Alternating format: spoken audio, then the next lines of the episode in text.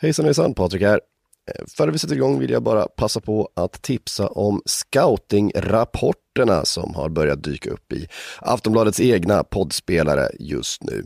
Först ut är scoutingrapporter på Real Madrids och Real Sociedads Martin Ödegård, den norske supertalangen verkligen, eh, som aspirerar på att bli nästa superstjärna verkligen.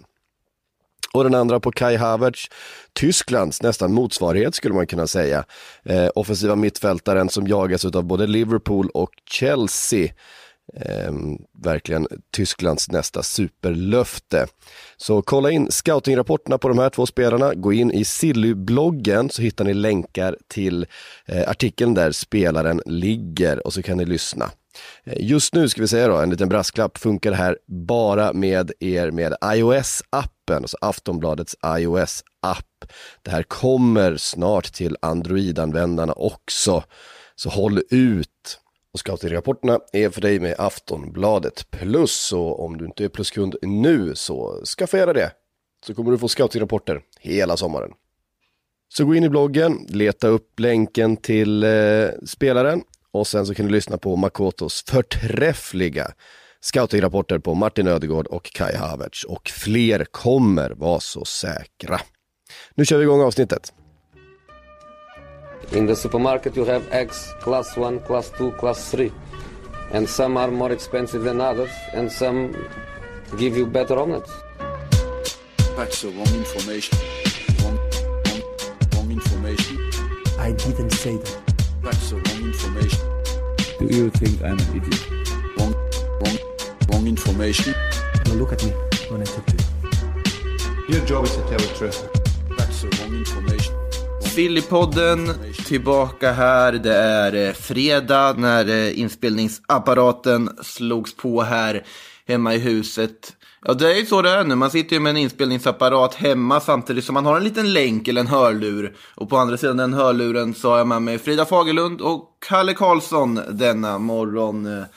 Eh, istället för att fråga hur det är med er ska jag fråga vad har ni för planer för helgen? Så varierar vi oss lite här nu direkt i avsnittet. Eh, alltså jag, det är ju fortfarande lockdown här liksom så att eh, det går inte att göra så mycket. Men eh, Ah. det blir kanske att man träffar upp några vänner i alla fall på eh, lite distans. För det, det har man tillåtelse att göra nu. Så att vi planerar väl eh, att göra någonting sånt möjligtvis. Det är ju eh, för att dra en väderleksrapport så må, det måste jag göra nästan för att det är så varmt här så att man håller på att koka eh, totalt. Ehm, så att man får passa på så länge solen och värmen är här. Mm. I Västerås då, skiner solen där också, Kalle? Ja, det är ganska bra eh, väder här också. Det blir varmare och varmare. Dock inte i någon sådär tropisk hetta, men eh, det är ju eh, i alla fall eh, tillräckligt bra för att man ska kunna vara ute och eh, lapa lite sol. Eh, inga större planer för helgen, dock eh, faktiskt en eh, träningsledig helg så att eh, något ska vi väl hitta på. Eh, I och för sig eh, imorgon, eh, den är fullspäckad då men eh, då ska jag upp till eh, Stockholm och eh, eh, gå på brorsans bröllop där, ett minibröllop. Dock får vi ju inte gå in på bröllopet utan det är fortfarande restriktioner så att vi får ju hålla oss utanför själva. Eh, Ah. och sen eh, får vi väl se när ringarna väl är eh, på plats på eh, när de har utbytts så att säga. Ja. Ja, det måste ju vara ganska alltså, annorlunda tid att gifta sig i de här tiderna helt Ja, det enkelt. kan man ju säga. tänka sig. Det har varit lite planering som har eh, varit tvungen att göras om. Men så är det. Mm. Stort grattis från Sillypodden får jag säga till Kalles brorsa också inför bröllopet. Eh, men eh, innan vi har där så har vi faktiskt ett, vi har ett Berlin-derby. Ikväll. Till och med faktiskt. Eh, det är en ny omgång av Bundesliga som väntar. Hertha Berlin mot Union Berlin. Det här glödheta derby som man ändå säga. Som ska då spelas fredag kväll. Vad tänker ni inför den här stormatchen? Nu blir det ju såklart, vi har varit inne på det förr, ingen publik och inte samma inramning som man kanske kunde väntat sig tidigare av ett sånt här derby, men likväl ett Berlin-derby. Eh, era tankar kring den matchen som väntar ikväll? Nej, men det som är mest spännande ehm, med just det här mötet är väl egentligen att det bara skiljer en poäng eh, mellan klubbarna. Eh, Hertha steget eh, före. Ehm, sen spelar de ju lite Um, lite tvärt, tvärt emot varandra, eller vad man säger. De är varandras motsatser lite grann. Men, och sen inte minst så är man ju alltid intresserad av att se Sebastian Andersson och vad han kan göra. Så att, nej, det är en trevlig fredagsmatch. Mm. Jag blev förvånad när jag såg här när jag kollade upp det inför vår sändning här att de bara har mötts Ja, det blir andra gången i, i högsta ligan. Eh, där är det ändå klubbar som har funnits ett tag. Eh, och visserligen är det ganska logiskt eftersom Union Berlin inte har eh, legat eh, på den här nivån så mycket. Men jag blir ändå förvånad att det inte har skett alls. Eh, eh, så att ehm, Derbyn i Berlin är vi inte så vana vid och eh, framförallt inte när det gäller Hertha Berlin mot Union i, på Bundesliga-nivå. Så att det blir lite eh, eh såklart en eh, liten eh, ja, aptitretare där i, i Tyskland ikväll eh, inför spelhelgen. Tyvärr då så blir det ju såklart utan publik och det kan väl vara lite ledsamt då att de här inte har mötts så många gånger och att de ska mötas nu utan publik. och Att man ja, eh, går miste om det som hade kunnat varit ett riktigt, riktigt, riktigt eh, en riktig publikfest på Olympiastadion. Mm. Om man eh, tittar på trupperna också. Hertha har ju satsat rejält och har ju en liksom, stor satsning på. Man såg ju dem i vinterfönstret var väl Hertha den klubb som kanske var den mest aktiva av allihopa. Som vi har, man plockar in Piatek, man plockar in eh, Matteus Cunha och så vidare. Och eh, man bygger ju ett jätteintressant lag samtidigt som vi har Union som, ja lite, lite som de här klubbarnas historia också kanske snarare går på lite mer okända namn som Sebastian Andersson till exempel och bygga ett mer kollektiv på så sätt. Det ska bli oerhört intressant att se de där två lagen göra upp ikväll. Eh, vidare då, om man tittar på resten av omgången, är det någon av matcherna där som sticker ut lite extra för er? Mm. Ja, alltså det skulle ju förstås vara Mainz Leipzig då. Eh, återigen med svenska ögon om det skulle mm. vara så att Emil Forsberg är tillbaka eh, och vi får se honom mot Robin Quaison. Eh, då är det givetvis en sån match som eh, jag hade rattat in mig på. Eh, I alla fall. Wolfsburg-Dortmund är intressant också för toppstriden. Även om Wolfsburg ligger en bit ifrån så är det i alla fall ett möte där på topp 6. Mm. Vi har ju Bayern München, Frankfurt dessutom också. Eh, Frankfurt som såg riktigt eh, slött ut som vissa lag gjorde här under den första omgången förra helgen mot ett Bayern München som har chans att eh, avancera ännu mer då i tabelltoppen. Så Fors... Och sen har vi ju... Ja, ja sorry, sorry. Nej, nej, nej, säg du. Eh, nej men sen har vi dessutom fyra mot femman här, Mönchengladbach mot Leverkusen noterar jag nu. Mm. Med två lag som såg väldigt bra ut ska tilläggas också i helgen där. Gladbach och, och Leverkusen vann Och är väldigt intressanta. Både mm. Mönchengladbach tycker jag spelar riktigt bra fotboll under Marco Rose. Eh, Leverkusen har ju, som vi pratade om förra veckan där, eh, eh, ja, Havertz såklart, men eh, även andra spelare som är riktigt sevärda. Mm.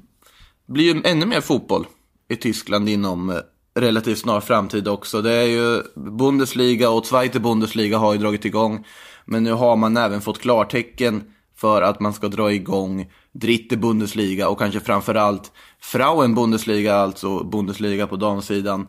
Som kommer bli det då den första stora damligan att starta igång efter coronakrisen. Och eh, planerat startdatum för den är då 29 maj. Eh, vet att eh, deras eh, Tyska fotbollsförbundets ordförande var ju väldigt glad för det här i ett officiellt uttalande. Han säger att jag är väldigt glad för att alltså, klubbarna i damernas Bundesliga har varit väldigt tydliga med att de vill starta upp tillsammans och att det är verkligen det vi behöver och att den här ligan nu kommer vara någon sorts pionjärskap för internationell damfotboll. Eh, vad säger vi om att den startar upp? Det känns ju bra helt enkelt att den gör det också för det har ju varit lite si och så annars med damligorna runt om. Tänk på Spanien där man ställde in väldigt tidigt, Italien och så vidare också. Nu startar man ändå upp i Tyskland där först, även på damsidan. Ja, nej men det är förstås positivt för deras, eh, för deras del och också att de ser att det är, eh, är ekonomiskt hållbart också att dra Mm. igång eh, trots att man inte har någon publik på matcherna. Eh, jag tror dessutom att, eller det ska bli intressant att se här hur den här krisen har hanterats särskilt utav de klubbarna som inte har ett härlag att liksom stö- luta sig emot. Eh, Wolfsburg då som liksom är den stora och Bayern München också, de har ju ändå här sidan och alla, alla pengar där som eh, underlättar för dem på ett helt annat sätt än de klubbarna som inte har den ekonomiska stöttepelaren.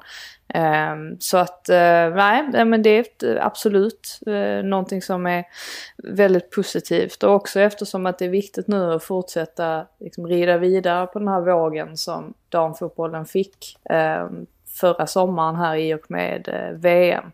Ehm, nu ser det ut som att Women's Super League eh, här i England kommer att ställas in. Eh, och det kan jag väl tycka på ett sätt är rätt beslut sett till att de inte verkar, verkar inte vara beredda liksom att, att lägga ut de pengarna som det kommer att kosta att spela inför tomma läktare. Ehm, mm. Och det kan man ju tycka vad man vill om. Samtidigt så anser jag i alla fall att det absolut viktigaste just nu det är ju verkligen försöka behålla intresset och se till så att eh, det inte alltså, stannar av överhuvudtaget. Och då är det kanske trots allt bättre att man väljer att flytta fokuset från den här säsongen och fokusera på nästa istället. Ehm, kan jag tycka. Mm. Ja, de måste ju ha gjort bedömningen på något sätt att precis det du är inne på nu att det är bättre att vi spänner bågen med starten av nästa säsong så att inte den blir påverkad av det som skulle ske om vi skulle fortsätta spela nu och mm. det skulle dra ut på tiden. För Det måste ju vara det eller att man gjort bedömningen att, att spela matcherna under Corona med alla rigorösa säkerhetsåtgärder det skulle innebära att det skulle kosta för mycket. För att bara spela matcherna kan ju inte kosta speciellt mycket. Nej, nej, det är ju det självklart, ju, självklart apparaten det måste vara Hela apparaten runt omkring med alla tester och så vidare. Eh, och ja, det, jag vet inte vad. Man hade gärna velat se siffrorna för att kunna bedöma men de har väl gjort någon bedömning kring det och kommit fram till att det inte är hållbart. Det är klart att det är lite tråkigt att man kommer till den slutsatsen men eh, det är bara att acceptera och sen se det positiva i att då att nästa säsong så det är trots allt inte så långt bort. Vi är redan inne i, i slutet av maj, snart är vi inne i juni och då ska de ändå ha gått på semester. Det blir ett uppehåll nu och sen eh, kör de igång igen. Eh, på en ny säsong förhoppningsvis. Mm.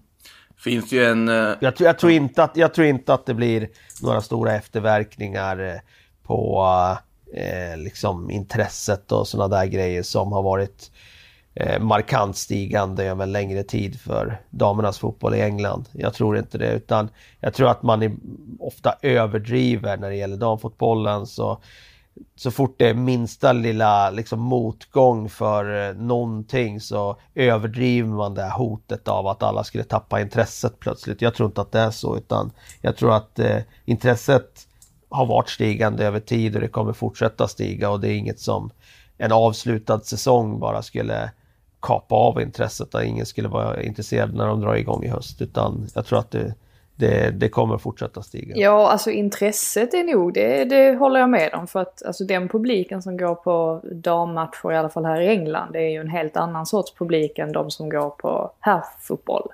Um, så att det, det tror jag definitivt också. Men problemet här i alla fall är ju att damlagen är så otroligt beroende av alltså, liksom herrsidan av en klubb.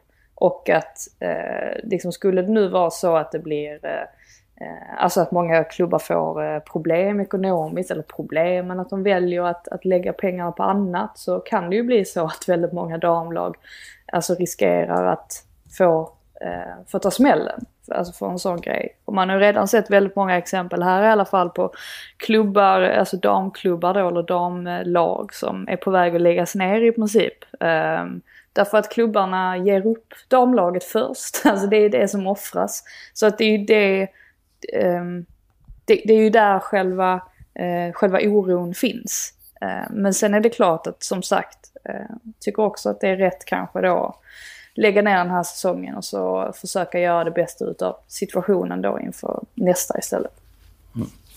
Ja, jag, jag, jag, jag har dock svårt att tro att några av de här klubbarna, de större klubbarna, skulle dra ner på sin satsning på, som de har initierat. Det, det tror jag inte. De har ju så pass stora ekonomiska muskler att vila på att de ska ju kunna klara det ändå. De mindre damklubbarna, ja, det kanske blir så att de äts upp då och går in under andra paraplyn och, och fortsätter i den regin. Det får vi ju se. Men, eh, men om det intresset finns så, så borde de ju kunna Eh, om intresset finns när de drar igång i höst så, så borde de ju kunna använda det intresset för att generera tillräckligt för att överleva i alla fall. Ja, alltså det har funnits exempel i andra och tredje ligan i alla fall på klubbar som har gjort så här. Alltså liksom gått ut och öppet sagt att det Uh, ja, att man har skurit ner rejält på, på damsatsningen redan nu. Så att det, det är väl det man får tänka också att själva eh, nivån på ligan kommer ju påverkas om det är flera av de mindre klubbarna som gör så som kanske kanske möjligtvis hade kunnat ta klivet upp till högsta eh, serien. Eh, så att, nej, nej, det, men det är ju mycket, mycket om nu. Eh, vi vet ju inte så mycket mer. Så att eh, förhoppningsvis så eh, rider vi vidare på den här VM-vågen. Det, den lilla oron som på något sätt finns här också. Det är en, de delarna där det var en ex, extra stor på något sätt våg efter VM där. Om jag jämför till exempel England och Tyskland och Frankrike och sådana har ju varit ganska långt fram när det kommer rent sportsligt. Eh, liksom på damsidan även innan VM. Man tittar på till exempel Spanien och Italien och man sätter väldigt stort uppsving. Så i Spanien så har ju då den spanska, alltså La Liga på damsidan har ju lagts ner av skälet att den inte anses vara en professionell liga.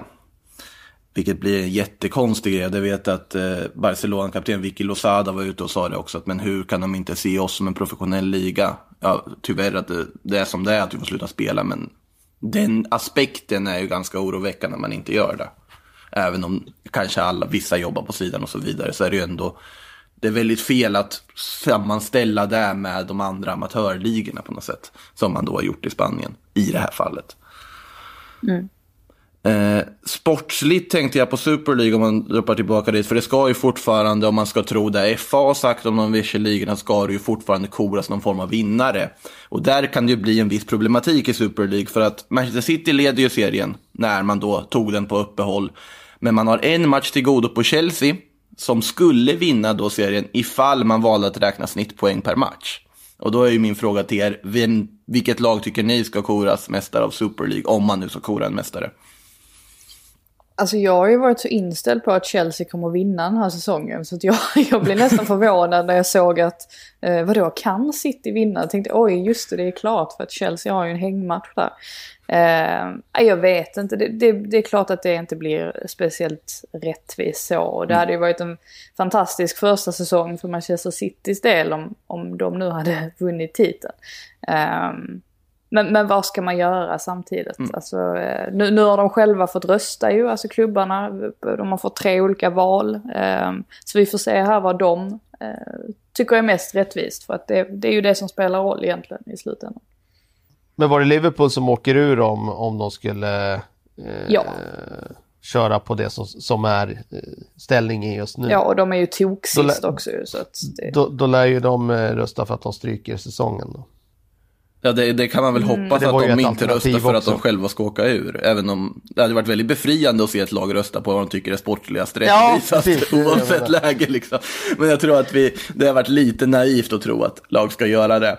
Eh, Samtidigt i England i alla fall, så på här sidan så fortsätter man ju däremot planera för att starta upp Premier League. Eh, även om diskussionen där går ju kring huruvida man, spelarna ska krävas att spela överhuvudtaget. Vi var ju inne på Troy Deeney som eh, valde att inte gå tillbaka till träning av ja, goda skäl får man ändå säga.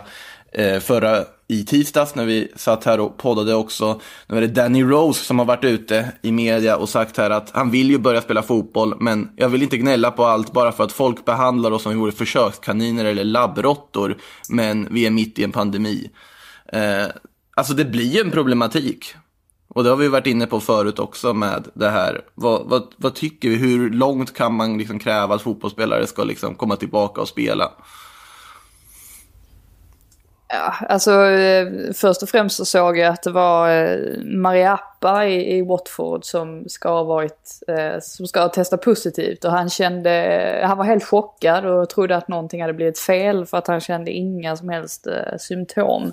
Mm. Eh, det, det, ja, det, det, är ju en liten, eh, det, det, är ju lite oroväckande i sig på ett sätt att han, alltså en person som känner eller tycker sig själv vara helt frisk Eh, då tydligen kan testa positivt för, för corona.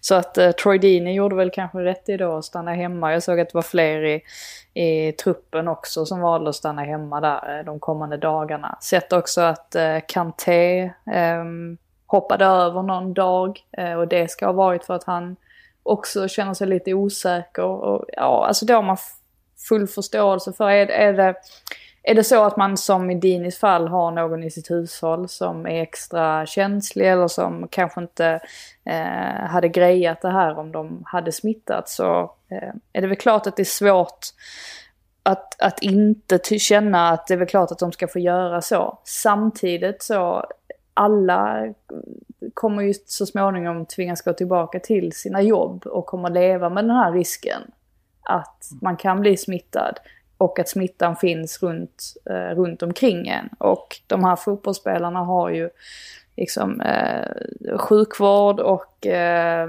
liksom de har tillgång till tester eh, två Bara gånger i veckan är det väl. Ja, precis. Så att de, de har ju liksom, eh, de är ju privilegierade i det här. Trots att jag absolut förstår att det kan kännas obehagligt. Eh, det är väl egentligen min, min syn på det hela.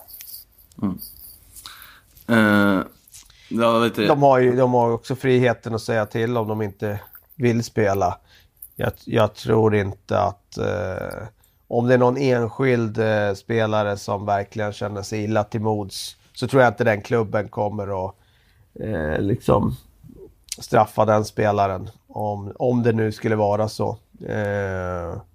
men jag, jag håller med om att det, när det här pågår, när den här pandemin finns så så kommer alla leva med hotet om att man kan bli smittad antingen i mataffären eller någon annanstans. Så att risken kommer alltid finnas och jag tror att med alla de testerna som kommer att göras där borta i England så, så finns det ingen anledning för dem att vara överdrivet rädda för. Mm. Eh, om vi rör oss vidare till eh, Spanien så är det faktiskt en spelare som har valt att nu mitt under det här uppehållet eh, ställa skorna på hyllan helt enkelt. Men inte på grund av i sig då pandemin, men nämligen Athletic Bilbaos eh, Aritz Aduriz. Eh, som bland annat gjorde det här fantastiska cykelsparksmålet mot Barcelona i början av säsongen, har varit med hur länge som helst i La Liga. Men nu då, han skulle egentligen ha avslutat med cupfinalen mot Real Sociedad som har flyttats till obestämt datum i och med att man vägrar spela den matchen utan publik. Det, vi kommer in på den problematiken lite sen. Men Aritz Adoris för er, eh, har ni något främsta minnet av honom som fotbollsspelare? Inser plötsligt att kanske en svår fråga att ställa till folk som kanske inte följer La Liga på samma sätt som undertecknad gör. Nej men alltså eh, främsta minnet är faktiskt den här sista sessionen i Bilbao. Mm. Eh, där han eh, Eh, har ju varit en av de bästa eh, liksom veterananfallarna vi har sett i Europa under hela 2000-talet. Och då menar jag att man kommer upp i den åldern som han har varit i när han har varit plus 36 och fortfarande levererat på det sättet. Det är inte så många som klarar av att göra det. Vi har ju en ganska känd svensk som har klarat av det och han är unik eh, på det sättet. Men det är inte så många andra heller som har klarat av att leverera på, på det sättet som eh, Adoric har gjort. Eh, och det, det, är mitt främsta minne av honom, att han ändå blev erkänd eh, under de här sista åren som en riktigt stor spelare som har hållit under väldigt, väldigt lång tid. Mm. Alltså det är verkligen trist att han inte får det här slutet. Men eh, precis som du sa när du, när du nämnde den bicykletan mot Barcelona så är det ju fint att han i alla fall fick, eh, fick göra den. Eh, man får liksom ta med sig det eh, i så fall liksom som något sorts eh, avslutningsminne. Mm. Det sägs ju dock, eller det pratas om att det kanske blir en kuppfinal för honom trots allt. Eh, för att man har då från Atletic Clubs sida nu ansökt till förbundet eller Uefa om att när väl den här kuppfinalen ska spelas, för den, de har ju bestämt ganska tidigt att den här matchen får inte spelas utan publik. Vi flyttar den så långt det går. Det kommer kanske krocka lite med det här Uefas krav för att kvala in till Europa League som man gör då genom inhemska kupperna. Men de, jag skulle inte förvåna mig om både Atletic Club och Real Sociedad väljer att skrota sina Europa League-platser bara för att få spela den finalen inför fullsatta läktare. När helst det går att göra det. Uh, men de har ju ansökt då om kan man få spela spelare som inte är registrerade i truppen den säsongen, alltså nästa säsong, ifall man skulle få spela då. Eh, man kan ju hoppas lite ändå på att han kanske får göra den där cupfinalen som en sista match, på något vänster. Men då ska han hålla igång under tiden. ja, det är ju det också. Ju längre tiden går desto äldre blir han. Ja, sen är det ju den där höftprotesen han måste plocka in och sånt också. Dessutom. Men han, han kanske fixar en minut där som inhoppare ändå. på något sätt. ja, det återstår att se i alla fall. Eh, 12 juni det är ju långt innan när cupfinalen kommer att spelas, men det är då i alla fall nu, har vi varit inne på tidigare också, som La Liga planeras att startas. Och enligt eh, spanska radiostationen COP så är det Sevilla-derby, Sevilla-Betis, som kommer vara den första matchen på liksom återstarten av La Liga. Och att resten av spelschemat kommer att släppas och liksom ansökas om godkännande från myndigheter och så vidare nu nästa vecka. Eh, Sevilla-Betis är ju inget Apropå dumt. derbyn man inte vill se. Apropå derby man inte vill se utan publik. Nej, precis. Det känns ju också som en... Jag vet inte, det är ju också i Tyskland när du börjar med liksom Ruhrderbyt, Dortmund, Schalke, jag börjar med, med Sevilla, Betis. Man tar de här riktiga publikmatcherna och sätter dem utan läktare, första man gör. Intressant väg att gå ändå. Verkar i alla fall vara den matchen då som startar och eh, med det sagt, för Italien så fortsätter man också samtidigt träna och närma sig någon form av ligastart. Pratas om 12, pratas om 20 och så vidare, men ingenting är klubbat där. Eh, vidare till Silly. Eh, vi kan börja med att Oliver Giroud blir kvar i Chelsea. Han förlänger faktiskt ett år till med eh, Chelsea. Vad eh, är era tankar om det? Giroud kvar? Ja, i alla fall ett år till va. Mm. det, um, alltså med den här våren i åtanke så kanske man inte är jätteförvånad. Hade någon sagt det i december så hade man blivit desto mer förvånad eh, över att veta att han kommer bli kvar. Eh, men det är ju ett, jag kan tycka att det är ett ganska smart drag från Chelseas sida att eh, man får den här ganska korta kontraktsförlängningen nu i dessa osäkra tider. Eh, och man vet om liksom vad man får. Att man får en spelare som ehm, ja, alltså kan, uppenbarligen kan liksom göra ett avtryck, precis som han har gjort nu under våren i ett par matcher. Eh, Lampard eh, verkar gilla honom, alltså hans personlighet och så vidare. Så att det, det känns ju ganska rimligt. Jag, jag trodde bara inte att han själv ville det. Jag trodde att han själv ville, ville lämna. Eh, men eh, ja, det eh, känns väl som en relativt bra lösning. Mm. Det känns ju som att, det kan ju vara så att Giroud har fått någon form av samtal från Deschamps också som säger att, ja men, du vet väl att du inte kommer bli petad i landslaget oavsett hur mycket du spelar? Ja, ah, men då kan ju lika gärna stanna i Chelsea. Så, för det var ju där det pratades om mycket i vintras där, att han ville bort för att liksom ha en plats till EM som då ska spelas 2020. Eh, skulle ha spelats 2020 rättare sagt. Men nu blir han alltså kvar ett år i Chelsea och efter en fin vår. Eh, vidare då. Paris Saint-Germain drar sig ur jakten på Kalidou Koulibaly, den här årliga jakten som sker mellan alla storklubbar under en period tills ingen av dem värvar honom om han stannar i Napoli. Nu känns det ju som att det kanske kan vara en flytt annalkande för Koulibaly, vi har varit inne på det förut, men enligt Le Parisien i alla fall så ska PSG nu dragit sig ur jakten och då har vi bara ett gäng Premier League-klubbar kvar i den kampen om honom. Ryan Reynolds here from Mint Mobile. With the price of just about everything going up during inflation, we thought we'd bring our prices down.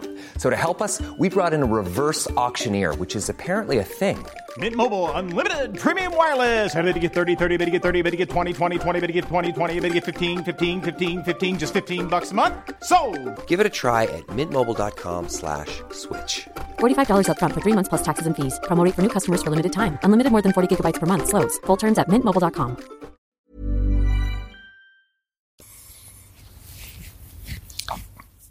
Ja, vilka räknar vi in där då? Ja, det är ju frågan. Ja, United och Liverpool Gänget. har ju varit inne på det förr. Ja, de är solklara. Ja, och Chelsea borde väl ha ett behov, eller ett intresse, om pengarna finns. Ja, det, ja. För deras skull hoppas jag att de är med i. Exakt, Jag lite så. tycker att han skulle vara klockren för dem. Det är precis en sån spelare de hade behövt. Men, men hade du fler klubbar i det gänget? Ja, men- Skulle du slänga in City också där eller? Slänger man inte Har inte alltid in Arsenal City? också nämnts? Ja. Ja, Arsenal har säkert Ja, okej. också har ju kopplat samman med... Så man slänger ju alltid in alla de där toppklubbarna. Det är väl Tottenham som man oftast inte slänger in i de där sammanhangen. Nej, de skulle ju aldrig kunna hänga med i ett sånt race om det skulle drivas upp. Fast det hade väl inte Arsenal heller gjort, eller? Budgivning här. Vad Det sa hade du? väl inte Arsenal heller gjort? Nej, det är om de gräver riktigt djupt i skattkistan och kanske skeppar iväg någon och så vidare. Mm.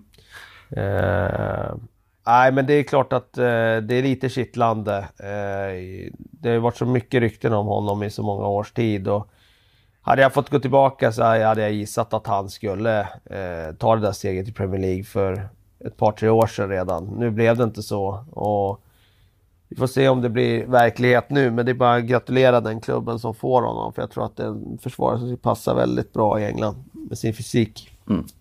Finns ju annars ett bra budgetalternativ i Barcelona. Eh, Samuel Umtiti. Eh, för han verkar bli ett budgetalternativ, i alla fall om man ska tro Sport, som säger att Barcelona då, som försöker finansiera alla påhitt de ska göra den här sommaren, kan tänka sig sälja Umtiti för så lite som typ 315 miljoner kronor. Och detta då för att finansiera andra värvningar och för att man anser Umtiti vara överflödig. Till att börja med, Umtiti överflödig känns ju som ja, lite fascinerande, men sen har ju vi de här skadebekymren han har haft också. Men där har ju klubbar som Manchester United och Arsenal kopplat samman ganska mycket med Umtiti tidigare. Vart, eh, vilka tror ni skulle passa att plocka in en Umtiti då? Det kanske är de som inte får kolibali helt enkelt, eller? Ja, alltså Arsenal är ju i stort behov av en, av en mittback. Det har vi ju sagt i, i hundra år eh, i princip. Men med tanke på att de får ju in Saliba nu, eh, som är ganska så ung. Mm. Och då tänker jag att Umtiti fortfarande är i en, en relativt bra ålder. Alltså han är ju... ehm, han är ju inte, han är ju inte för gammal på något sätt samtidigt som han har väldigt mycket rutin. Vad är han? 25, 26? Ja, 26. 26. Ehm, så att, ja men vore jag Arsenal så skulle jag ehm, kanske se till att, eller kanske se till, jag skulle se till att värva en ordentlig mittback och då är ju han absolut ett, ett alternativ, särskilt då om priset inte är så ehm, överdrivet högt och pengar ska liksom finnas ändå. Eh, det handlar ju mest om hur mycket pengar man vill använda. Så har det ju varit för Arsenals del i ehm, ett par år här. Att liksom det, det, är inte, det finns inte ont om resurser men att resurserna kanske inte används eh, riktigt. Det hade varit intressant för Arsenal också att få in en vänsterfotad mittback. Nu försöker jag gå igenom de som har spelat där i den positionen de senaste decennierna. Jag kan inte minnas att de har haft något första val som varit vänsterfotad. Koscielny spelade ju vänster mittback i många år, han var högerfotad.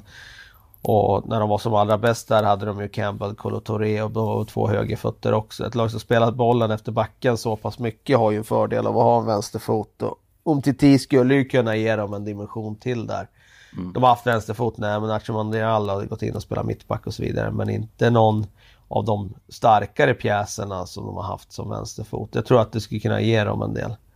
Eh, Så det hade varit intressant eh, som budgetalternativ till eh, Koulibaly om man inte hänger med i det racet att plocka om till 10. Jag gillar honom. Eh, Så vet man aldrig vad man får när spelare här, gå ner ett hack i karriärkurvan. Antingen tar de ny fart eller så liksom fortsätter de neråt. Eh, men eh, jag hade tyckt att det var, för de pengarna som nämns, 30 miljoner pund, så tycker jag att det hade varit intressant för Arsenal. Mm. Ja, um till tidsfall så antingen så får du ju en av världens bästa mittbackar eller så kommer du få en väldigt skadedrabbad spelare som spelar max fem matcher under säsongen. Det är så det känns just nu med sett till hans senaste säsonger då. Eh, men för det här priset så absolut för den kvaliteten du kan få skulle jag också säga. Liverpool vill ju också sälja för att göra plats för eventuella sommarvärvningar. Enligt The Athletic så ska man nu ha hittat en trio som man ska göra sig av med, nämligen Marko Grujic på lån i Hertha Berlin, Sheridan Shakiri och även Harry Wilson på lån i Bournemouth. Känns väl ganska logiska spelare att göra sig av med, eller? Ja, alltså Shakiri är väl den som man liksom eh, tänker främst på egentligen eh, med tanke på att Eh, även om han kom in till klubben så som han gjorde i och med att Stoke eh, åkte ut eh, och att eh, han på så sätt eh, inte kostade speciellt mycket så trodde man ju lite grann att han möjligen kunde göra lite större avtryck än vad han har gjort. Men ja, det beror ju dels på då att Klopp har främst har använt sig av ett system där han inte riktigt passar in och sen så har han ju haft väldigt mycket problem med skador och sådär. Um, kan tycka att det är lite sorgligt bara att eh, om det skulle sluta så här, att det inte blev så mycket mer av det. Ehm, I övriga fallen så ehm, har jag också förståelse för att man kan tänka sig att göra sig av med både Grujic och Wilson. För får se här nu hur liksom, ja, jag kan tänka mig att eh, coronan kommer liksom ställa till det en del ändå. Eh, kanske inte lätt, lika lätt att göra sig av med spelare, att få spelare sålda på det sättet. Så att, eh, men absolut, vill man då plocka in Timo Werner och måste liksom göra lite plats för det så eh, känns det väl fullt rimligt att man städar ur lite så att säga. Mm. Alltså personligen känner jag att Shakiris del så känns det som att han ändå har gjort precis det lite han var värvad för att göra. För att han var ju, när, man, när han kom in så var det ganska klart att han skulle inte vara ett första val i offensiven. Men samtidigt så har han ju bidragit med en ganska stor liksom, bredd. Det är en spelare som du vet precis vad du kommer få av när du kastar in och behöver rotera och så vidare. Så ur den aspekten tycker jag ändå han har gjort lite det man kan vänta sig av honom under sin tid i Liverpool. Ja, han gjorde ju några viktiga punktinsatser förra våren där när han kom in och var ganska matchavgörande i några inhopp. Och eh, jag håller med. Sen är det så att jag tycker att man kan se på Liverpool hur, hur de har byggt klubben steg för steg. Att nu vill ju de ta nästa kliv. Och reserverna ska inte vara andra klassens reserver utan de går upp ett, ett, ett steg i butikshyllan nu och börjar titta på en sån som Timo Werner. Och det tycker jag är ett, och liksom det ryktas om Koulibaly och så vidare. Det innebär ju att de kommer ha riktigt, riktigt bra spelare som även sitter på bänken ibland. Och det tycker jag är ett tecken på att de, de börjar ju nu rusta för att vara Europatoppen över tid. Ungefär ta sig upp på den här nivån som liksom Manchester United var i början av 2000-talet. Där man är så attraktiv som, som klubb så att du kan värva riktigt, riktigt bra spelarna eller spelare på marknaden och de eh, accepterar att okej, okay, jag köps inte till den här klubben som startspelare utan jag kommer vara en spelare i rotation kring en position men det är i alla fall så attraktivt att vara i den här klubben just nu för att de spelar så bra fotboll, de står högst upp i hierarkin och eh, jag tjänar rätt bra pengar eh, i lönekuvertet ändå så jag kommer vara nöjd. Även om jag inte liksom, köps in som startspelare. Jag menar, Timo Werner är ju eh, Liverpool har ju inte värvat den typen av spelare för att vara någon rotationsspelare tidigare. Om man slänger in ett annat namn, Adama Traoré, har det ju pratats lite löst om också. Ja, precis. Och jag menar, då tar vi en spelare som har varit en av Premier Leagues bättre den här säsongen och som skulle kosta fruktansvärt mycket pengar eftersom man har sådana extrema spetsegenskaper och är så spännande och liksom eh, så sevärd. Han skulle ju kosta eh, enorma pengar. Och det är inte heller säkert att det är en spelare som... Jag ser ingen position för Adama Traoré i Liverpools 11 sådär automatiskt.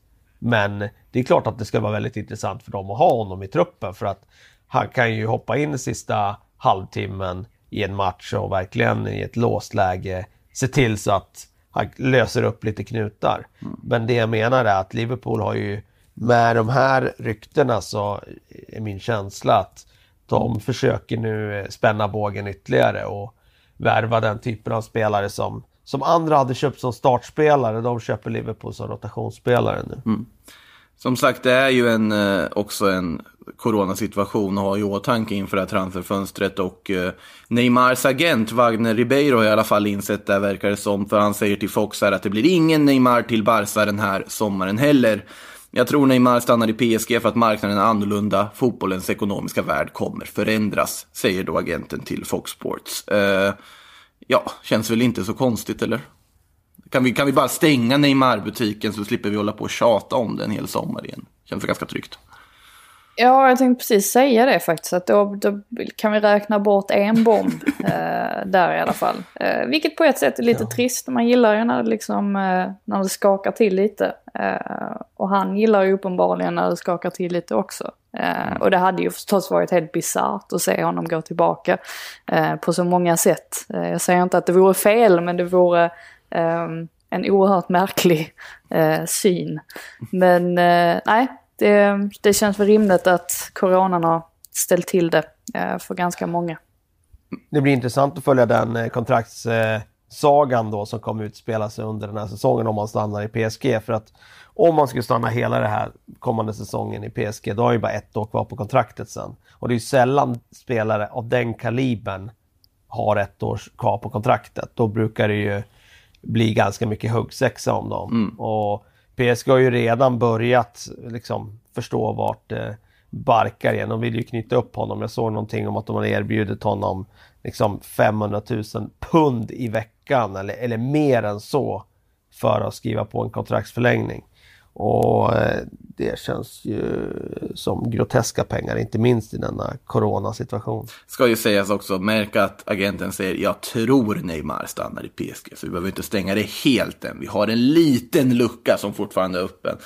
Eh, men samtidigt så Barcelona jagar i alla fall Lautaro Martinez också. Där känns det ju som att den affären är lite närmare. Nu har det kommit italienska uppgifter om att Inter har hittat en eh, potentiell ersättare när Lautaro då sannolikt kanske lämnar i sommar. Nämligen Sergio Agüero. Och då är min för första fråga, är det realistiskt att tro att en sådan affär kan ske? Är Agüero till Inter? Skulle Inter överhuvudtaget ha pengarna som skulle krävas? Eller skulle Agüero vara intresserad? Vad tror ni? Alltså det enda som jag tycker i alla fall talar för att det skulle kunna hända är ju om eh, Citys Champions League-förbud eh, står kvar nu. Eh, det kommer ju avgöras här i början av juni. Eh, någon sån där ultrasnabb process som eh, CAS kommer ta, eh, ta tag i.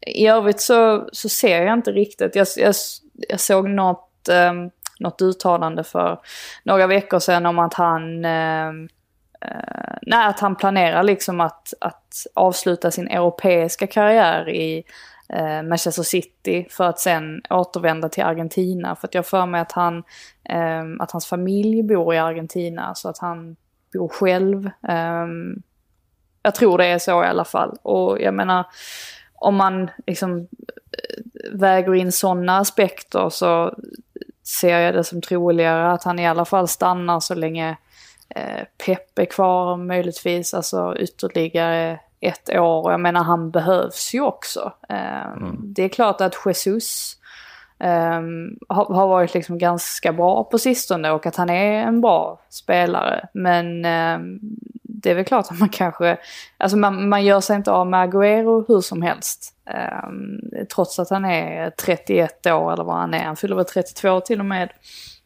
eh, i år. Så att eh, nej, jag, jag har lite svårt att säga att han själv skulle vilja lämna i alla fall. Mm. Eh, innan vi går in på lite lyssnarfrågor så kan vi bara ge er en vecko, veckovis Pjanic-update att han nu, senaste uppgiften, tackat nej till Premier League-klubbar i alla fall. Så att vi får se vilken annan klubb han kommer att bytas till. Men det kan ju fortfarande bli en PL-klubb. Man ska inte ta allting för att det ska vara skrivet i sten vid dessa tider. Eh, som sagt, lyssnarfrågor. Ska vi eh, börja med eh, Ja, men eh, Ruge Eriksson här frågar om, pratar om Real Madrids högerkant. Det är uppenbart att det behövs en spets till anfallet och med egenskaper som kompletterar Hazard och Benzema. Har man råd att vänta på Mbappé hur länge som helst eller bör man agera redan i sommar? Eh, vad tycker ni? Behöver Real Madrid, om man inte får Mbappé då, vilket väl känns osannolikt om man får den här sommaren, behövs det komma in något offensivt där? Ja, det beror på vad man, eh, alltså, vad man kräver av laget den här säsongen. Ska de få fortsätta bygga sten för sten eller ska de ta sig upp till den absoluta toppen direkt igen? Eh, det kan ju vara en... Säg, alltså att Mbappé står högst upp på deras önskelista, det är ju en ganska eh, vedertagen eh, tes. Och det är ju ett problem om man värvar någon spelare som ska vara där temporärt i väntan på den nästa eh, spelare ska in. Så att eh, de, det, finns ju ändå spelare som, eh, alltså offensiva spelare som kan använda. Jag, jag ser nog, alltså jag tycker nog man kan vänta. Om man, om man har fått indikationer på att man tror att man kan få Mbappé nästa sommar eh, så, så hade jag väntat. Mm. Eh, känner nog samma sak skulle jag säga. Som du gör, det finns ju ganska många alternativ. Vi har pratat om Sadio Mané lite som ju såklart hade varit en spelare som hade förbättrat dem. Men det hade ju kostat minst lika mycket som att plocka en Mbappé känns det som med tanke på den säsong Mané har gjort i Liverpool och den status Liverpool har införskaffat sig. Eh, om vi går vidare här, Zigzag frågar också lite om om det inte blir den här, vem ska de gå för då? För han pratar om Manchester United med, och säger att United börjar träna igen, ett anfall med Pogba, Bruno, Rashford, Martial och en förhoppningsvis Sancho. Hur bra kan det bli? Och ifall de inte får Sancho, vem ska de gå för då? Tack för en fin podd. Tack själv för att du lyssnar Zigzag. Vad säger ni? Ja, nej, det kan ju bli väldigt bra. Ja. Eh, absolut, med tanke på att alltså, vi har pratat mycket om, om eh, Uniteds högersida. Eh, och den hade väl eh, förmodligen Sancho fyllt ganska väl och inte minst så finns det utvecklingspotential i honom eftersom att han fortfarande är så pass ung. Skulle det inte bli av nu i sommar, det, det lär säkert bli av alltså någon gång, men skulle det inte bli av redan i sommar så är det väl fortfarande Grealish som, ehm, som är på tapeten, alltså som nämns liksom som den som man kommer gå för då. Ehm, och det verkar ju själv som att han väldigt gärna vill flytta dit, så att um, jag hade nog trott lite grann att, ehm, att det blir han i så fall. Men hur skulle det Ja, funka jag är rent inne på samma linje där. Alltså skulle man spela? Grealish, Grealish, Bruno Fernandes och då förutsatt att Pogba lämnar då eller? På mitten? Nej, alltså han Ja. kan ju spela lite, eh, alltså han har ju använts i väldigt många olika Ja. positioner egentligen i Aston Villa och är egentligen, eh, ja, det är nästan lika bra var han än spelar och har i alla fall liksom haft eh, otroligt stor, eh, stort inflytande på Aston Villas spel vart han än har spelat. Så att han kan absolut gå in till höger. Eh, ska vi dra en fråga till innan vi stänger butiken? Marcus Sundell frågar, när eh, vissa ligor ställer in och vissa ska spela klart sina, hur tror ni kval till CL och EL påverkas till nästa säsong? Och ja, det är ju väldigt svårt att veta Champions League, så Ja. det är ju planerna ligger lite längre fram i tiden där, om vi säger så. Än nu direkt i liksom försommaren. Ja, man är glad att man inte behöver sitta med det där pusslet nu för att pussla ihop spelscheman och hur allting ska liksom dribblas ihop för att det ska fungera. Eh, jag tror att det blir rätt intrikat och det märker man ju bara på med allsvenska, nu de ska lägga allsvenska spelschemat här, att de måste avvakta för ja, med Uefa-kalendern och så vidare. Det är rätt komplicerat det där och sen är det ganska många olika parametrar man ska ta hänsyn till när man ska lägga de där spelschemana. Eh, säkerhetsaspekter och så vidare. Så att eh, ja, det, det, det får vi nog avvakta, återkomma med och, och diskutera längre fram när vi har en lite klarare bild. Får jag bara slänga in en eh, fråga som vi hade uppe på tapeten i en tidigare podd. Absolut. Det var ju någon som frågade där om swap deal. Eh, om det fanns någon möjlig som eh, alla skulle tjäna på. Ah, swap-dealen, Jag du har kommit på någon nu. såg- Ja, men ju diskuterats, såg ett rykte där, det diskuteras om att Arsenal skulle byta då Alexander Lacazette mot Thomas Lemar. Ja, den har ju kommit upp igen ja. Ja, och där kan man väl ändå se att Arsenal hade ju kanske fått en synergieffekt om man fått in Lemar. För då hade man kunnat flytta fram eh, Aubameyang i sin eh, strikerposition där jag hävdar att han kommer vara som allra bäst. Och Lacazette hade ju fått en ny miljö. Han kanske hade behövt en ny miljö nu för han har ju eh, faktiskt vacklat lite i form den senaste säsongen. Och Lemar tror jag hade varit en spelare som hade passat väldigt bra i Arsenal. Eh, så Och Lemar behöver ju också hade bytet. varit en sån... Vad sa du? Lemar behöver ju dessutom bytet också. sett till Vanni. Ja, han har ju kört fast Ja, i hållet, Atletico. ja. Så att, så att eh, det kanske hade varit en sån affär där alla olika intressenter hade gynnat sadeln. Mm. Håller helt och hållet med på den punkten faktiskt. Eh, så vi eh, hoppas på Lemar Lacazette swap då här för allas skull samtidigt som eh, jag tackar er Frida och Kalle för att ni tog er tid även denna fredag och vara med. Vi eh, ses nästa vecka allihopa. Ha det gott till dess. Hej då.